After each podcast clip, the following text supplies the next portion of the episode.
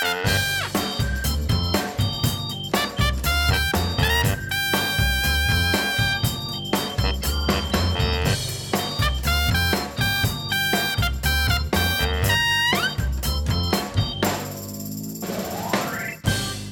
heerlijk broodje zalm in het centrum van Utrecht komen Patrick en Jeffrey weer bijeen voor de CIP-podcast. Ja, en een broodje gehakt, hè? Broodje gehakt ook nog, ja. Ja, heerlijk. Ja, CO2-uitstoot. Het kan gewoon, hè, dat we Ja. onder werktijd gewoon even naar een bruin café gaan in het hartje van Utrecht. Om Ja. daar even neer te ploffen. En even heerlijk lunchen, ja. Ja. Terecht ook. Zonder podcast. Zonder podcast. Wat hadden we ook daar kunnen doen, ja. Ja, Hè? ja, ja, zeker. Ja, daar zijn we te laat mee nu. Helaas. Maar misschien volgende keer. Ja. En wie weet weer eens op Urk. Hè? We hebben ook ooit een legendarische podcast mogen maken. Eh, we zijn nu op kantoor en hier, dat is het hart van Christelijk Nederland. Hè? Hier eh, wordt het nieuws eh, gemaakt. En ook, ja, hier werken de journalisten die eh, Christelijk Nederland van binnen en van buiten kennen. ja Waaronder is, jij. eh, helemaal, ja, waar. Dat komt on- waar dat ze hier werken? Ja. Niet dat ik dat over mezelf zeg, al is het natuurlijk wel zo. ja. ja, je hebt onder andere Jan Kees de Feiten gesproken bijvoorbeeld. Dat is natuurlijk wel echt een Ja. van de verhalen van de afgelopen week Ja. geweest. Ik denk wel het topverhaal, denk ik, van afgelopen week. Ja, Hoef je niet mee bescheiden te gaan doen over mijn verhaal. nou je mag het dadelijk uitgebreid over Ja, eh, uitweiden. gaan we doen. We gaan het over nog veel meer hebben, hè? Over de Nashville-verklaring, geloof ik. Ja, dat is dit jaar als een jaar geleden dat heel christelijk Nederland op zijn kop stond vanwege die verklaring. Ach, heden, ja. Ja, dat zou je bijna vergeten, maar een jaar later is het toch fijn om er even op terug te blikken. Ja, precies. Met de hoofdrolspelers. Zo is het. En eh, we beginnen met een hele trieste situatie van een Iraans gezin. Dat is eh, uitgezet uit Nederland. Tenminste, de bedoeling is dat Ja. ze worden uitgezet. Precies. En ehm, wij gaan beginnen met een fragment hierover, want de dominee van dit gezin was de gast in het Family 7 programma uitgelicht. En hij eh, vertelt dus wie dit gezin is en wat hun relatie is met de kerk. Hele nette, fijne mensen. Een moeder van eh, in de 40 met twee tienerzonen. En eh, ja, deden volop mee bij ons in het gemeentelijk leven. Uit zichzelf kwamen ze trouw naar de kerk. Ja. Op zondag naar de diensten. Waar wij eh, een grote groep vluchtelingen ontvangen. Vooral Ja. uit Iran en Afghanistan. U noemt een moeder en tieners, geen Ja. vader? De vader bleef aanvankelijk in Iran achter. Ja. En die is inmiddels ook uit Iran gevlucht. Die heeft zelfs een tijdje gevangen gezeten. Is toen weer vrijgelaten. En heeft er alles moeten achterlaten. En is eh, inmiddels ook Iran uitgevlucht. ja. Er kwamen ze ook naar uw kerk om, om het woord te horen. Absoluut. Absoluut. Overtuigde christenen. Ja, dat, dat, daar ben ik van overtuigd. Ja. En daarom zit ik hier. En daarom ga ik voor deze mensen door het vuur. Mhm. Omdat ik hen eh, wekelijks eh, drie keer sprak, persoonlijk. En, en ook de reflectie hoorde op de verkondiging, op de diensten. Ja. De bijbelstudie. Ik zag wat ze allemaal opschreven. Ik hoorde hun vragen. Eh, nou, er waren zoveel onderwerpen waar we samen ook over hadden. Ja. En ja, tot op de dag van vandaag krijg ik hun getuigenis Mm. via WhatsApp. Helaas zitten ze niet meer in AZC Hogeveen, Oké. eh, maar in een ander AZC. Dus we hebben hen niet meer dicht bij ons. Met kerst konden ze nog even eh, bij ons zijn. Hebben ze samen met ons kerstfeest gevierd. Mhm. Maar eh, na hun detentieperiode in Zeist zijn ze naar een ander AZC overgebracht. Ja, maar u heeft nog contact met ze? Ja, dagelijks Ja. hebben we contact en, en elke dag merk ik eh, hoe ze hun toevlucht zoeken tot, tot God. Ja. En, en hoe ze nog steeds vastberaden zijn om Jezus Christus te volgen. Ja, Pet, zoals je hoort in het fragment, eh, de dominee onderstreept toch wel de warme band die het gezin met het geloof en de kerk heeft. En ehm, dat is natuurlijk wel cruciaal in deze, want zij zijn juist uit Iran gevlucht om hun geloof in Jezus te kunnen beleiden in vrijheid. En door zo'n besluit van het IND, hè, het eh, Immigratie- en Natura- Naturalisatiedienst, die dus over die uitzettingen gaan, worden ze dus gedwongen om in dat land waar ze dus gevaar lopen, om, eh, om daar dat geloof in het geheim te gaan beleven. Ja. En die dominee die vreest dus dat voor de ergste gevolgen voor het gezin. We hebben het over kinderen van 16 en 17 jaar, hartstikke kwetsbaar. Maar die moeten dus terug van het, van het IND zijn geloof in het bekeringsverhaal niet. Je hoort natuurlijk nu wel ook één kant van- van het verhaal. hè. Je hoort vooral de advocaat in de media praten en eh, die Ja. dominee dan natuurlijk. Die zijn natuurlijk allemaal heel erg betrokken bij dat gezin. Ja. Maar eh, het is wel heel pijnlijk om te horen, vind ik. ja, dat klopt. Overigens, dit gezin eh, wordt nog niet meteen uitgezet naar Iran. Ehm, er is door de advocaat van het gezin eh, beroep aangetekend bij de rechtbank. En binnenkort zal de zaak dus opnieuw voor de rechter komen. En wanneer, dat is nog niet bekend. En eh, als we het dan over Iran hebben, jij weet daar meer van, want bijvoorbeeld eh Open Doors heeft er wel, wel eens eh, wat over geschreven. Hè? Ja, het staat, eh, het is, het is, het is, om te beginnen, het is natuurlijk gewoon niet veilig in Iran voor christenen. Ehm, overigens heb ik ook wel in eerste instantie heel goed nieuws over Iran. Want Oh. er komen daar ontzettend veel mensen tot het geloof de laatste jaren. Ja. Ehm, dat is echt heel bijzonder. Juist omdat, die, die, die, die, omdat de christenen daar verdrukt worden, hè, heeft het vaak wel met elkaar te maken. Vaak zie je de kerk groeien onder verdrukking. Ehm, er zijn talloze verhalen bekend. eh, we- wij hebben er inmiddels ook verschillende gepubliceerd. Hè, van moslims uit Iran die tot geloof komen en die Jezus als zoon van God en als Messias erkennen. Maar de verdrukking neemt inderdaad steeds meer toe. Al jarenlang staat, eh, staat het land in de top 10 van de ranglijst christenvervolging. Hè, die overigens morgen weer uitkomt. Hè, en ik verwacht dat ze ook dan weer in de top 10 zullen staan.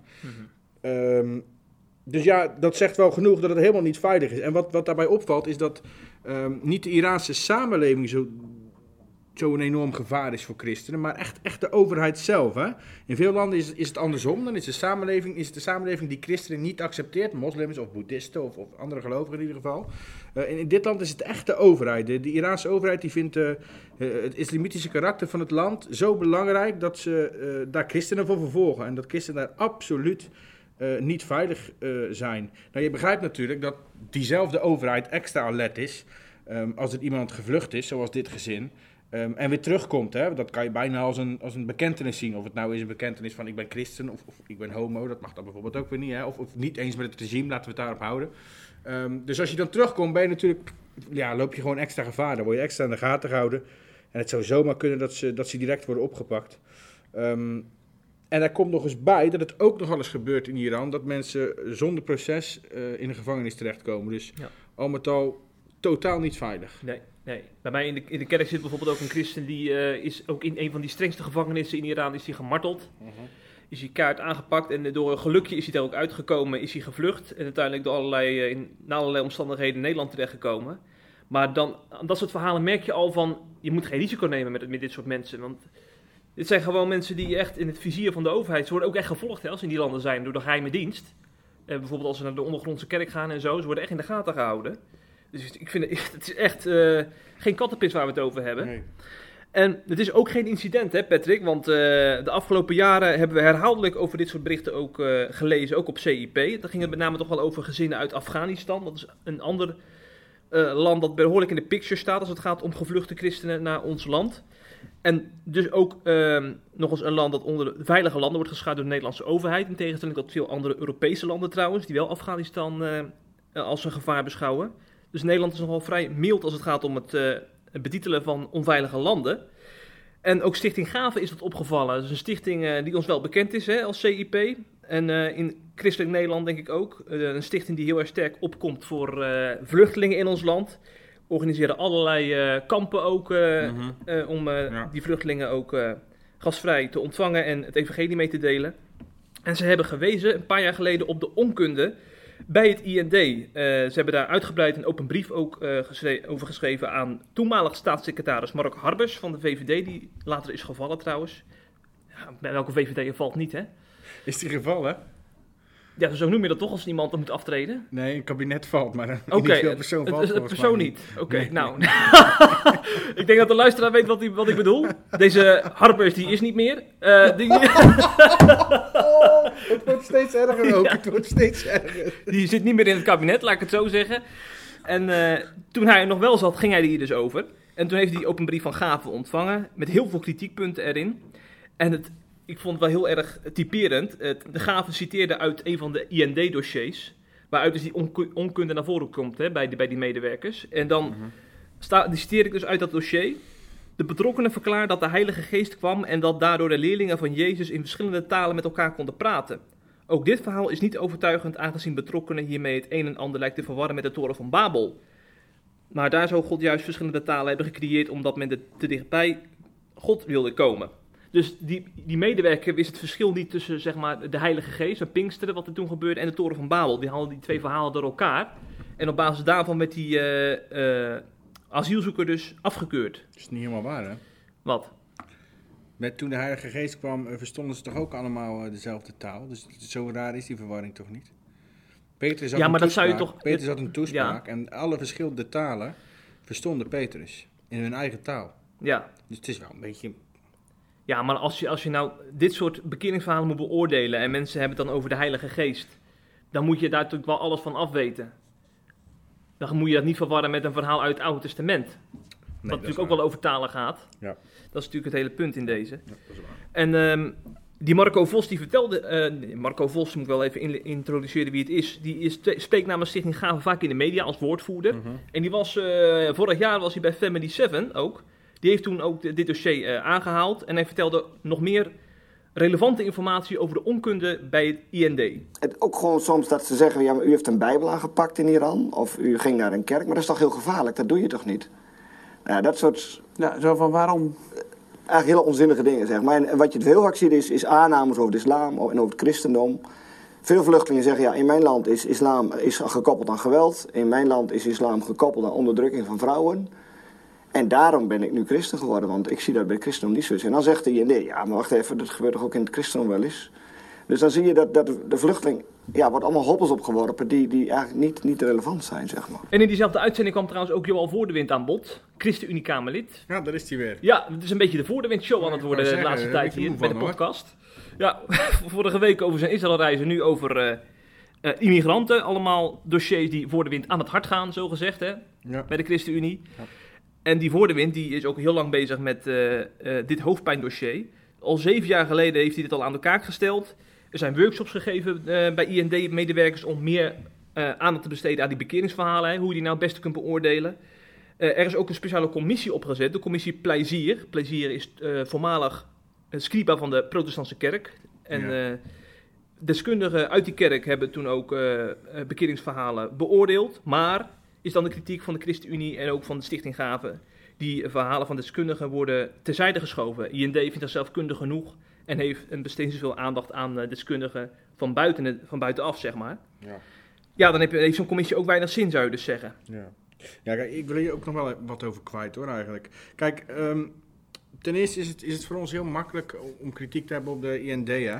Ehm, wij zien namelijk een gezicht. Wij zien een gezin met twee kinderen, twee minderjarige kinderen zelfs.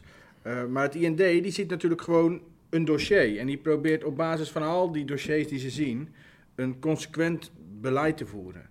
Dat is soms heel lastig en dat zorgt inderdaad er soms voor dat beslissingen ehm, onmenselijk lijken. Maar je moet niet vergeten dat dat het wel, eh, die beslissingen die zij nemen, gaan om onze, om onze nationale veiligheid. Hè? En, en er zijn natuurlijk, kijk, kijk stel jij bent, ehm, jij bent, jij komt hier met kwade bedoelingen heen, hè? Ja. Jij vanuit Irak of Iran, of maakt niet uit waar vandaan. Ehm, wat zou jij dan zeggen tegen de IND? Dan zou je ook zeggen dat je christen was, toch? Dat is namelijk de beste manier om binnen te komen. Of je zegt dat je homo bent, een van de twee.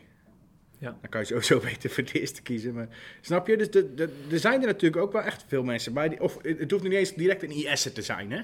Gewoon mensen die met verkeerde bedoelingen hierheen komen. Die gewoon onnodig hierheen komen. Die in hun eigen land gewoon veilig zijn. En gewoon prima, eh, of prima. Die, die, die niet in gevaar zijn daar. Maar gewoon hier willen komen om te profiteren. Of om echt kwaad te doen.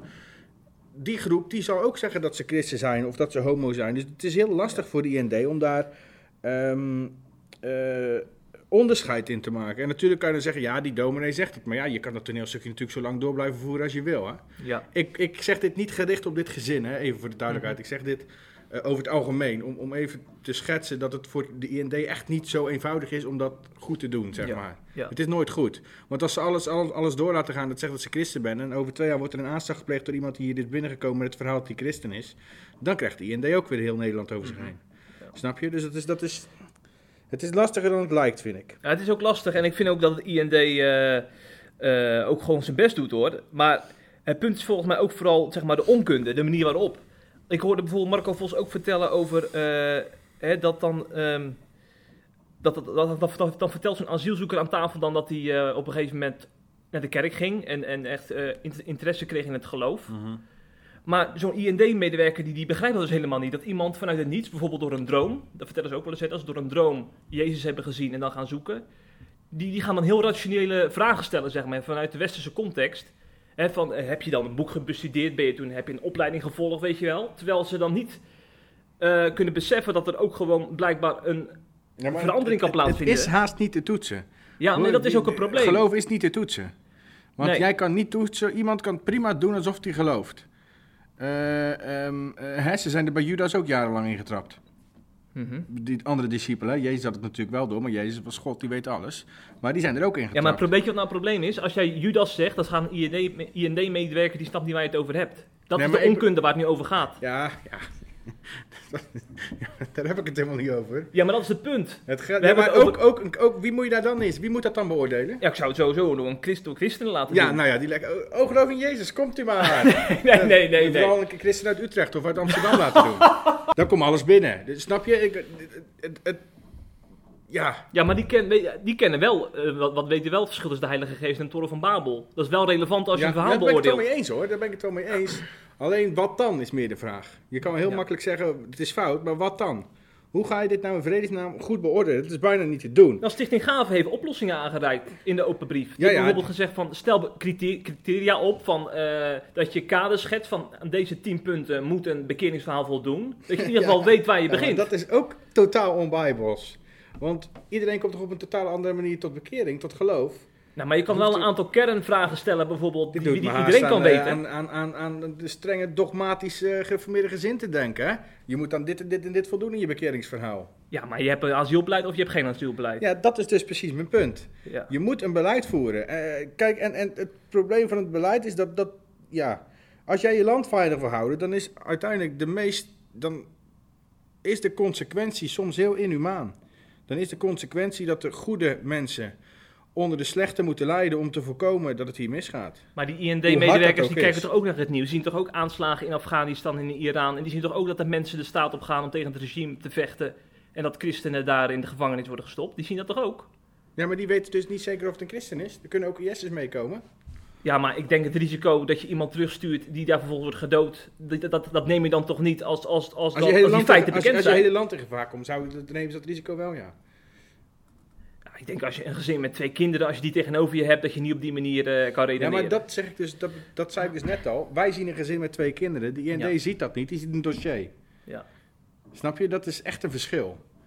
Je, Hm. de, de- ik, ja, die, die, die, degenen die dat doen, die schakelen denk ik hun emotie ook uit. Anders kan je het gewoon bijna niet doen. lijkt Ja. me. Ja. Of je moet gewoon een enorme eikel zijn. Mhm.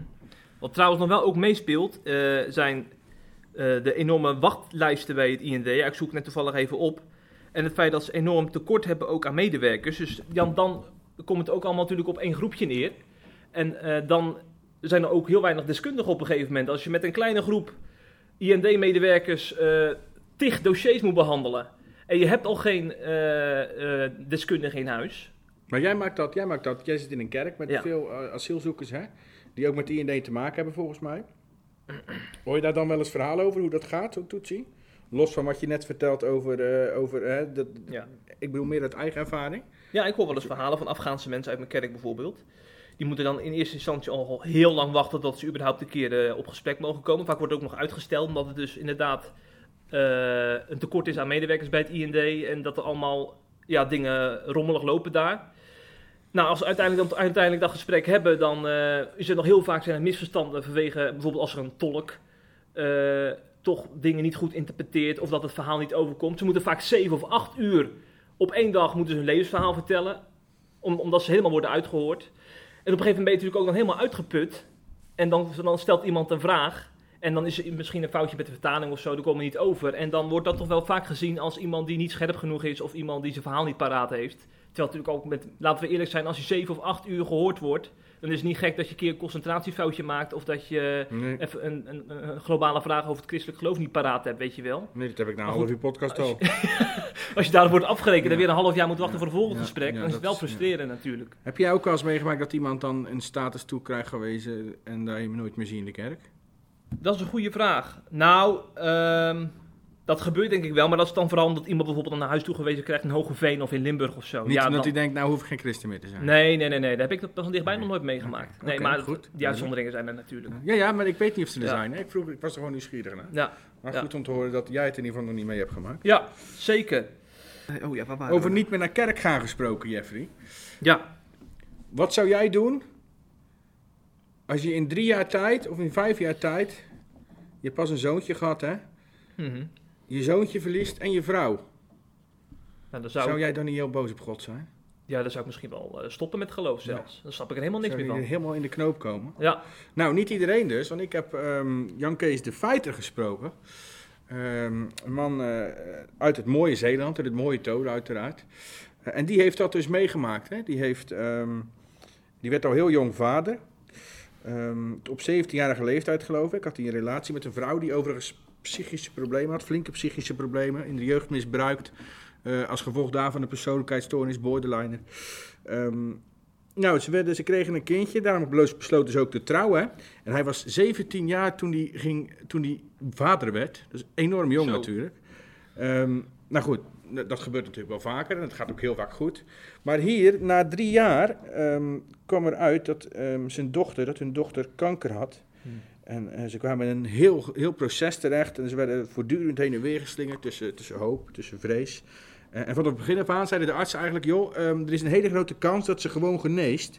Want 90% van de gevallen, van deze gevallen, die geneest. Dus, dus ehm, nou ja, hoewel er natuurlijk hoewel het een hele heftige tijd is met chemokuren enzovoort en therapie en eh, je weet hoe dat allemaal gaat. Dat weet je eigenlijk gelukkig niet trouwens. Ehm, ze hadden wel hoop al die tijd, maar die hoop was dus eigenlijk onterecht. Sterker nog, ehm, uiteindelijk is er een bidstond georganiseerd voor dat meisje, voor zijn dochter. Ehm, dat meisje is, eh, na die bidstond kregen ze van het ziekenhuis te horen dat ze helemaal schoon was. Dus daar waren ze enorm blij natuurlijk. Je kan je voorstellen eh, wat een vreugde dat geeft. En toen zei er een, een broeder tegen Jan Kees... ehm, joh, we hebben een bidstond gehouden. Zullen we nu niet ook een dankdienst houden dan, hè? Hm. Ja, zeker, Mooi. zei hij. Dat gaan we zeker doen. Dat gaan we natuurlijk doen. Dan hebben ze die dankdienst gehouden. Zaterdag was die dankdienst. En de week erop kregen ze enorm slecht nieuws. Namelijk dat er eh, uitzaaiingen waren. En uiteindelijk is eh, zijn dochter ook overleden. Dus dat is enorm wrang, hè? Dus je, je organiseert een dankdienst en een paar dagen later hoor je... het is foute boel. Hm. Het lijkt ja, bij- bijna sadistisch, zou je zeggen. Hè? Daarom, begin ik ook met, zou jij dan nog geloven? Ja. Nou, ik heb die jongen dus gesproken, of die man, het is geen jongen meer, het is een man inmiddels. Ehm, die heeft nog veel meer meegemaakt in zijn leven. Later is zijn vrouw ook overleden door, door zelfmoord. Ehm, daar komt nog een artikel van. We hebben nu deze week één artikel over hem gepubliceerd. Hè. Dat ging dan over het verhaal wat ik net vertelde over het verlies van zijn dochter. Ik heb die man gesproken. Ik heb de hele middag met hem gezeten, een poosje terug al. Ehm was enorm indrukwekkend, dat verhaal. En wat op mij het meeste indruk maakte, was eigenlijk niet, niet het verhaal zelf, maar de rust en de stabiliteit en het geloof dat hij had, zeg maar. Dus hij, is, eh, hij kon het heel rustig vertellen, heel dit verhaal, hoe heftig het ook is. Hè. Ik, ik, ik, ik, ik zou er bijna van verstijven zelfs, terwijl het niet mijn verhaal is. Kon hij heel rustig vertellen. En in al zijn woorden die hij zei, bleek dat hij op God vertrouwde. Dat het eigenlijk altijd zo geweest is. Dus ook niet, ook vlak daarna al, zeg maar. Hè. En daarom vroeg ik dat ook net aan jou. En, want ik, ik heb zoiets van, nou ja, eh, ik zou heel eerlijk zijn geweest. Ehm, toen ik dat hoorde, dat hij, dat hij vertelde dat hij helemaal niet boos was geweest op God toen het allemaal gebeurde. En eigenlijk altijd op God bleef vertrouwen, dacht ik bij mezelf. Nou ja, eigenlijk ben ik dan maar een hele ondankbare kleingelovige.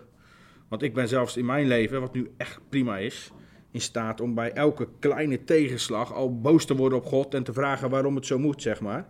Ehm, en waarom hij bepaalde dingen toelaat of doet. En hij maakt zulke heftige dingen mee en heeft dat totaal niet, zeg maar. Dat vind, vond ik heel bijzonder. Nou. Ehm, hij vertelde me overigens dat hij één keer nadat zijn dochter overleed de- de waarom-vraag aan God had gesteld hè, in zijn hoofd. En toen eh, vervolgens kwam hij een boekje tegen, wat eigenlijk al heel lang in zijn, in zijn kast stond. Dat hij bij ooit gehad toen hij geloofsbelijdenis deed. Jaren terug dus. En dat boekje ging over Job. En eh, daar vertelde hij over, eh, en ik quote hem nu even. God zegt op een, gegeven, op een gegeven moment tegen de duivel: Doe maar alles. Over Job, hè? Want hij kiest toch voor mij. Ik, dat zegt Jan Kees, hè, ik besefte steeds meer dat God dit allemaal alleen toestond als hij ervan overtuigd was dat ik het kon handelen, zolang ik dicht bij hem bleef. Het was haast lastig om dat te accepteren zonder hoogmoedig te worden. Want het is natuurlijk pure genade dat ik het kon en nog steeds kan handelen. Daarna heb ik die vraag nooit meer gesteld. Ja, Dat is heel bijzonder, hè? zo, zo, zo.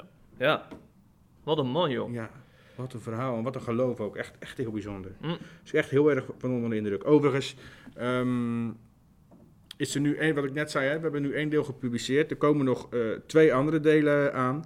Eh, want ik interviewde hem eigenlijk in eerste instantie over de suïcide van zijn vrouw. Mhm. Want daar kwam dit verhaal van zijn kind bij. En dat is natuurlijk ja, te bijzonder en te indrukwekkend om dan te laten liggen. Eh, dus er komen nog twee delen aan. In het volgende deel vertelt hij dan uitgebreid over de periode nadat zijn dochter overleed. En hoe dat uiteindelijk leidde tot eh, de suïcide van zijn vrouw. En dan in het derde deel vertelt hij hoe hij, nadat zijn vrouw overleed, alleen achterbleef met nog twee kinderen. En het leven weer oppakte. Want ook dat heeft hij namelijk helemaal gedaan. En dan wil ik graag afsluiten met een citaat uit dat laatste deel. Wat laat zien hoe wonderlijk en bizar het allemaal is. Daarin zegt hij namelijk, nu, hè, nadat dat allemaal gebeurd is, ik geniet elke dag met volle teugen van het leven. Weet je wat dat aan mij doet denken? Nee. Aan het afscheidslied van King Gabaan. Die zingt dit letterlijk. Ja. Geniet met volle Ja, teugen. ja met, eh, met eh, hoe heet die? Eh, Albert Smelt. Albert Smelt, ja, precies. Ja, dat klopt, ja. Ja. Precies dat, ja. Ja. Dat en is heel zij hebben- bijzonder. en zij hebben allebei recht van spreken. Ja, ze hebben alle, als, als, ja, zij hebben recht van spreken, ja. Heel bijzonder. Overigens is het verhaal van Jan Kees een, een onderdeel van een zelfmoorddossier waar ik aan bezig ben. Eh, daar hebben mensen waarschijnlijk al dingen over gelezen op ZIP. Hè. Ik heb er al een explainer over geschreven.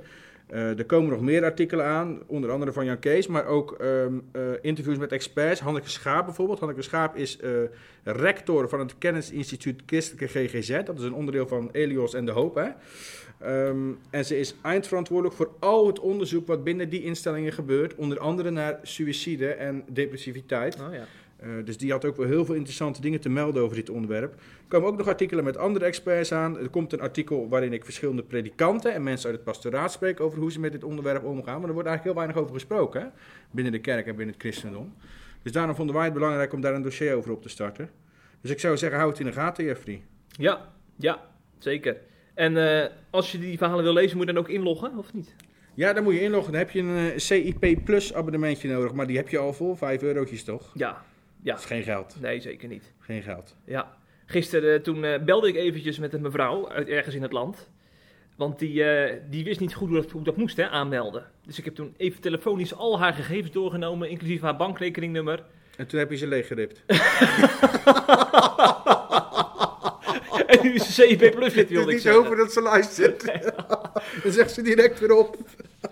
Dus tegen de luisteraars die moeite hebben met aanmelden, zeg ik... Nee, bel even met mij Ja. en eh, ik help je. Bel vooral Jeffrey, ja, mij niet. Je hebt er geen geduld of zo? Ik ben niet zo van het eh, contact met mensen. Oké.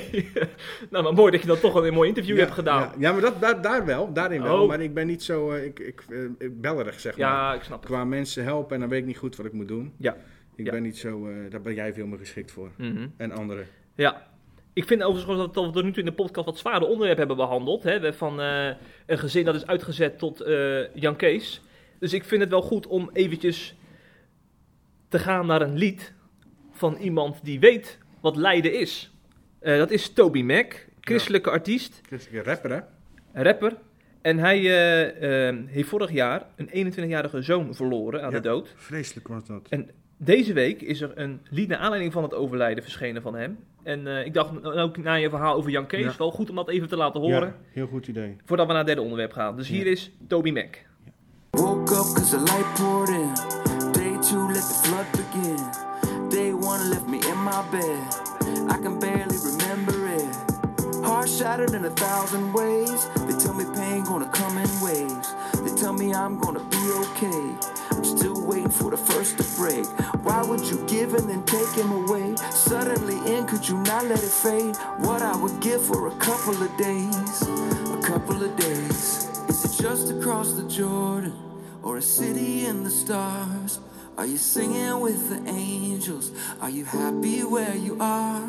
Well, until this show is over and you run into my arms, God has you in heaven, but I have you in my heart.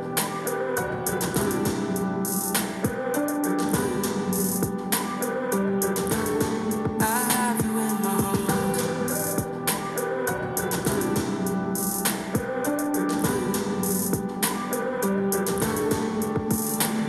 Ja, dan rest alleen maar stilte eigenlijk, hè, Jeffrey. Ja, zeker. Maar ja, we moeten toch door. Ehm, en we hebben nog een onderwerp. Iets minder zwaar beladen, gelukkig. Althans, voor ons. Voor heel veel mensen ook weer niet, hè? Nee, nee, nee. Nou ja, vergeleken met andere onderwerpen is dit nog voor ons luchtig. Voor ons zeker. Maar er zijn natuurlijk mensen waar dit heel, een heel zwaar onderwerp Ja. voor is, hè? Ja, ja, we hebben het over de Nashville-verklaring. Die Ja. kwam eh, vorig jaar rond deze tijd kwam die uit. En omdat het een jaar later is, maakt CIP een reconstructie. Dat doen we in vijf delen. En deze week verschijnt deel 3. Jij doet dat, hè? Jij doet doe dat. ik met de hoofdrolspelers. En eh, om nog eventjes terug te gaan in de tijd, eerst een fragmentje van de NOS over de Nashville-verklaring. Het document waar het over gaat is bedacht door strenggelovige christenen in de Verenigde Staten, in de stad Nashville. Het heet dan ook de Nashville-verklaring. In de tekst staat hoe christenen moeten omgaan met hun geloof. Nu is de verklaring vertaald naar het Nederlands. Een paar honderd Nederlandse christelijke leiders hebben hem ondertekend. In de verklaring zeggen ze bijvoorbeeld dat het huwelijk alleen is bedoeld tussen één man en één vrouw. En dus niet tussen twee mannen of twee vrouwen. Homoseksualiteit hoort niet volgens God, zeggen ze. Ja, ik vind, eh, ja, in een halve minuut eh, hoor je natuurlijk lang niet alles. Dus vandaar ook dat we die reconstructie hebben gemaakt. Ja, En, ehm, heel goed. Dat doen we dus met de hoofdrolspelers, zoals ik al net zei. En eh, deel 1, die eh, een paar weken geleden op CIP verscheen, ehm, daar kun je dus lezen hoe het begonnen is. Hè? Heel veel mensen weten dat namelijk niet. Er was in het Reformatorisch Dagblad een briefwisseling verschenen in 2018 tussen de hoofdredacteur Steve de Bruin en John Lapré. John Lapré is dus een eh, ja, toch wel prominente homoseksueel die uit de kast kwam eh, een aantal jaar geleden. En dat ligt nogal gevoelig omdat hij eh, een bekende spreker was in orthodox christelijk Nederland. Dus zijn coming out eh, heeft voor veel rumoer veroorzaakt, voor veel rumoer gezorgd. En we hebben dat ook regelmatig al besproken in de podcast, hè. Zijn verhaal. Hij heeft namelijk Tot in de treuren, ja. ja, hij heeft een heel indrukwekkend verhaal, Ja. maar dat is ook vaak inderdaad gedeeld. En ehm, het RD besloot op een gegeven moment om, eh, ja, omdat dit onderwerp ook wel bespreekbaar, omdat ze het onderwerp ook wel bespreekbaar willen maken in hun achterban, hebben ze een briefwisseling dus op touw gezet. Overigens heel goed, vind ik heel goed van TD. Dat Ja. moet wel gezegd worden. Ja, want daar heb je wel, dat, eh, wel moed voor nodig Ja, als je kijkt naar hoe de achterban hiermee om kan Ab- gaan. Absoluut. En dat blijkt ook wel dat die moed eh, nodig was, want eh, er is veel kritiek losgebarst. Het was eigenlijk gewoon een hele nette briefwisseling waar- waarin eh, zeg maar alle meningen werden gerespecteerd, maar de hoofdredacteur ook wel een streep trok. Hè, dus dat hij duidelijk maakte in die briefwisseling ook van dat een homorelatie voor hem zondig is en dat er wat hem betreft ook bijbelse grenzen zijn aan homoseksualiteit, hoe je daarmee omgaat. Maar desondanks klom dokter P. de Vries toch in de pen.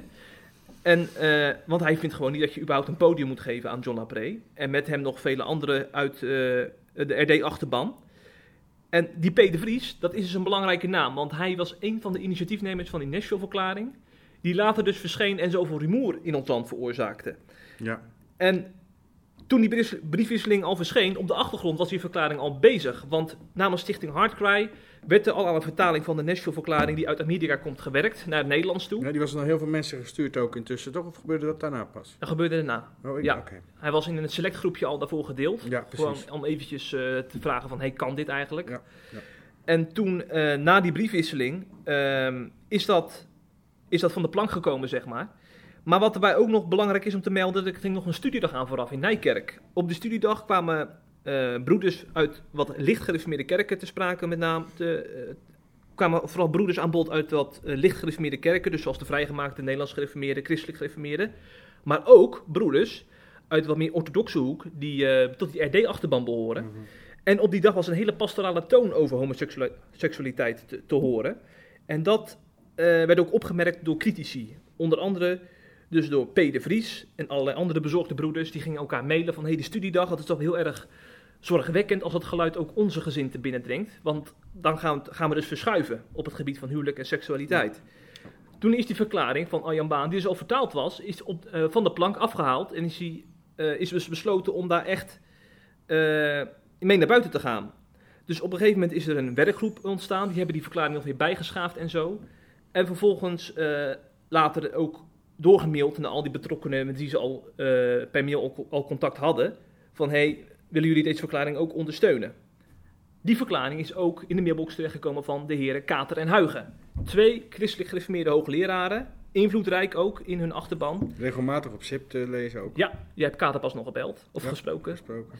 En ehm zij waren het er niet mee eens. Deze Kater en Huigen vonden de toon onpastoraal. En ze vonden het ook niet wijs om op deze manier over zo'n kwetsbaar onderwerp eh, in de media te komen. Ze houden meer van het één op één gesprek, zeg maar.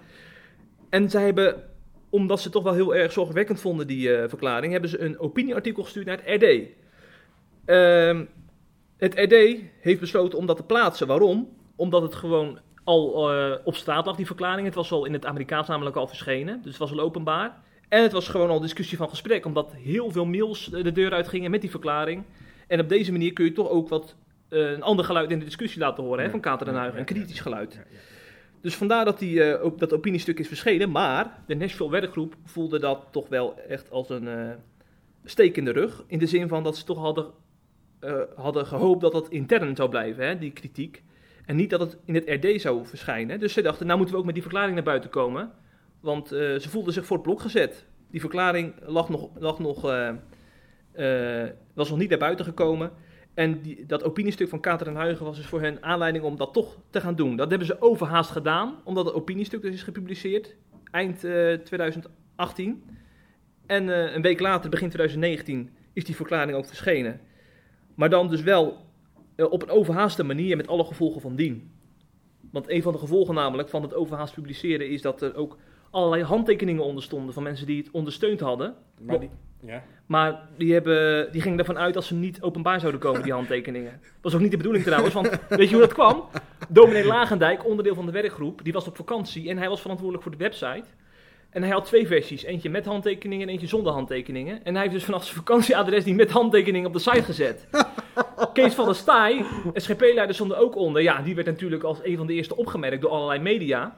Dus vervolgens eh, werd hij platgebeld door, door Jinek, door NOS. Nou moet ik wel zeggen dat ik het heel erg laf vind dat jij bereid bent om een handtekening eronder te zetten zolang het niet gepubliceerd wordt. Daar vind ik een beetje... Nee, maar dit, dit heeft, wel, dit heeft nog een staartje. Maar waarom zou je dan je handtekening eronder zetten? Het is toch juist om te laten zien, ik sta hierachter. Ja, dit heeft dus dit is nog een staartje. Er is, er is dus één groep geweest die eh, niet om toestemming is gevraagd. Dat is zeg maar de eerste groep, die Ja. al heel vroeg is benaderd. Mhm. Die hebben alleen zeg maar, gezegd van ik vind het een, een, een mooie verklaring. Maar ze hebben er wel de handtekening onder gezet. Nee, toen is er later in het jaar is er een grotere, bredere groep benaderd. En die is wel expliciet naar de handtekening gevraagd. Ja. Dus die eerste groep zijn ze vergeten om, om netjes om toestemming te vragen. Maar die en daar de hoort Kees van der Staaij ook bij. Er is een handtekening doorgezet, toch? Hm? Er is een handtekening doorgezet. Door die tweede groep, ja. Door die eerste groep is geen handtekening gezet, alleen nee, die hebben alleen per mail gezegd van ik kan het in grote lijnen wel dus vinden. daar stond ook niet letterlijk een handtekening op die gepubliceerde dingen. Alleen Ze de hebben het naam. opgevat, zeg maar de National Werkgroep heeft die, heeft die toestemming van Van der Staaij opgevat als een handtekening. Ja. Maar hij heeft alleen maar gezegd dat hij het in grote Maar er lijnen is mee toch kon niet vinden. letterlijk een handtekening Nee. onder dus. Alleen zijn naam. Zijn naam. Ja, Ja. er stonden sowieso geen letterlijke handtekening onder. neem ik Nee, nee, nee, nee, gewoon namen. Ja, dat is even symbolisch. En ze hebben dus gedacht van nou Ja. Van der Staaij vindt het ongeveer goed, dus we zetten zijn naam er ook bij. Ja, Ja, dat is niet goed. en Van der Staaij heeft het ook aangegeven, ook eh, bij Jinek. Hoe het ging was dat ik heb al een flink aantal maanden geleden die tekst toegestuurd gekregen, de Engelse tekst, met de vraag zou het ook een idee zijn om dat in het Nederlands te vertalen. Eh, en ik heb daar toen naar gekeken en zei van ja, dat lijkt mij wel waardevol om dat ook in het Nederlands te vertalen. Eh, en ik kan mij in, ik zie hier ook bijbelse noties in terug waar ik mij in herken. En ehm, vervolgens werd ik ermee geconfronteerd, nu afgelopen weekend, eh, dat het, het is gepubliceerd. met ook mijn naam erbij, op grond van die mail van destijds. Ehm, dus dat is iets anders dat van... u een beetje bedenking had of u dat uiteindelijk in de openbaarheid ondertekend wilde hebben? Of dat u destijds gewoon tentatief had gezegd, ja is goed, ik doe het. En dat u nu denkt, ik weet het niet of ik dat wil? Ik had toen zeg maar gewoon een reactie op de inhoud van een theoloog die een vraag heeft: is dit waardevol om dat ook in het Nederlands te vertalen? Daarop was mijn reactie: ja, lijkt mij de, de moeite waard. En ik kan mij in eh, de strekking van die verklaring, en eh, ik lees het dus echt met een andere bril, niet als een soort homo-haatverklaring, maar allerlei bekende eh, christelijke Maar- noties die ook terugkomen. En vervolgens ehm, ehm, eh, had ik als ik nu, zeg maar, afgelopen weken nog weer een keer die verklaring had gekregen... en zeg van, weer dat als politicus eh, onderschrijven, je naam eronder zetten... zou ik gezegd wat ik andere verklaring ook heb gedaan... ik vind het meer eigenlijk iets voor theoloog of voor voorgangers. Maar omdat, ik, eh, omdat het opgevat is, mijn mail van destijds... als van, eh, mijn naam mag jij er ook onder bekendmaken... vond ik het flauw om daar dan nu van weg te lopen. En heb ik gezegd van, oké, het was niet helemaal zoals ik het zeg maar bedacht had. Zoals het gelopen is en, ehm, en, en, en waarom ik ook nu hier zit... En, en daar vind ik het ook wat laf om dan te zeggen, oh nee, juist omdat er ook al snel commotie over stond, eh, ontstond. Wat een verhaal, Patrick Ban. Ik moet even een glasje, wa- glaasje water halen, want ik heb een droge keel door Zullen, gekregen. zullen we niet eerst gewoon die eh, podcast afsluiten? dan kunnen we, kunnen we weer gewoon aan het werk. Oh, maar je gaat geen commentaar hierop geven of zo? Je, vindt, je denkt, eh, je hebt er niks aan toe te voegen? Nee, nee. Ja, nee. Jij bent degene die zich helemaal hierin heeft verdiept. Ja. Dus dan kan ik hier wel van alles over gaan roepen, maar ik weet daar simpelweg te weinig vanaf. Oké, En ik vind het eh, dermate kwetsbaar dat ik vind dat je hier eh, gewoon heel erg mee uit moet kijken. oké. Dan zeg ik nog wel tegen de luisteraar, lees vooral ook deel 3, 4 en 5 de komende week op CIP. Uiteraard. CIP Plus ook trouwens. CIP Plus. En eh, luister vooral ook volgende week weer naar de podcast.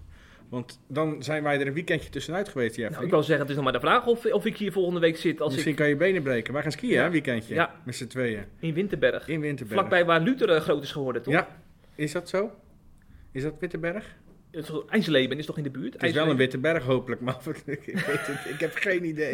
Ik heb echt geen idee. Maar in ieder geval gaan we het weekendje tussenuit. Volgende week zijn we er weer met een kakelverse podcast. Zeker. Eh, daarin gaan we het denk ik onder andere hebben over de ranglijst christenvervolgingen.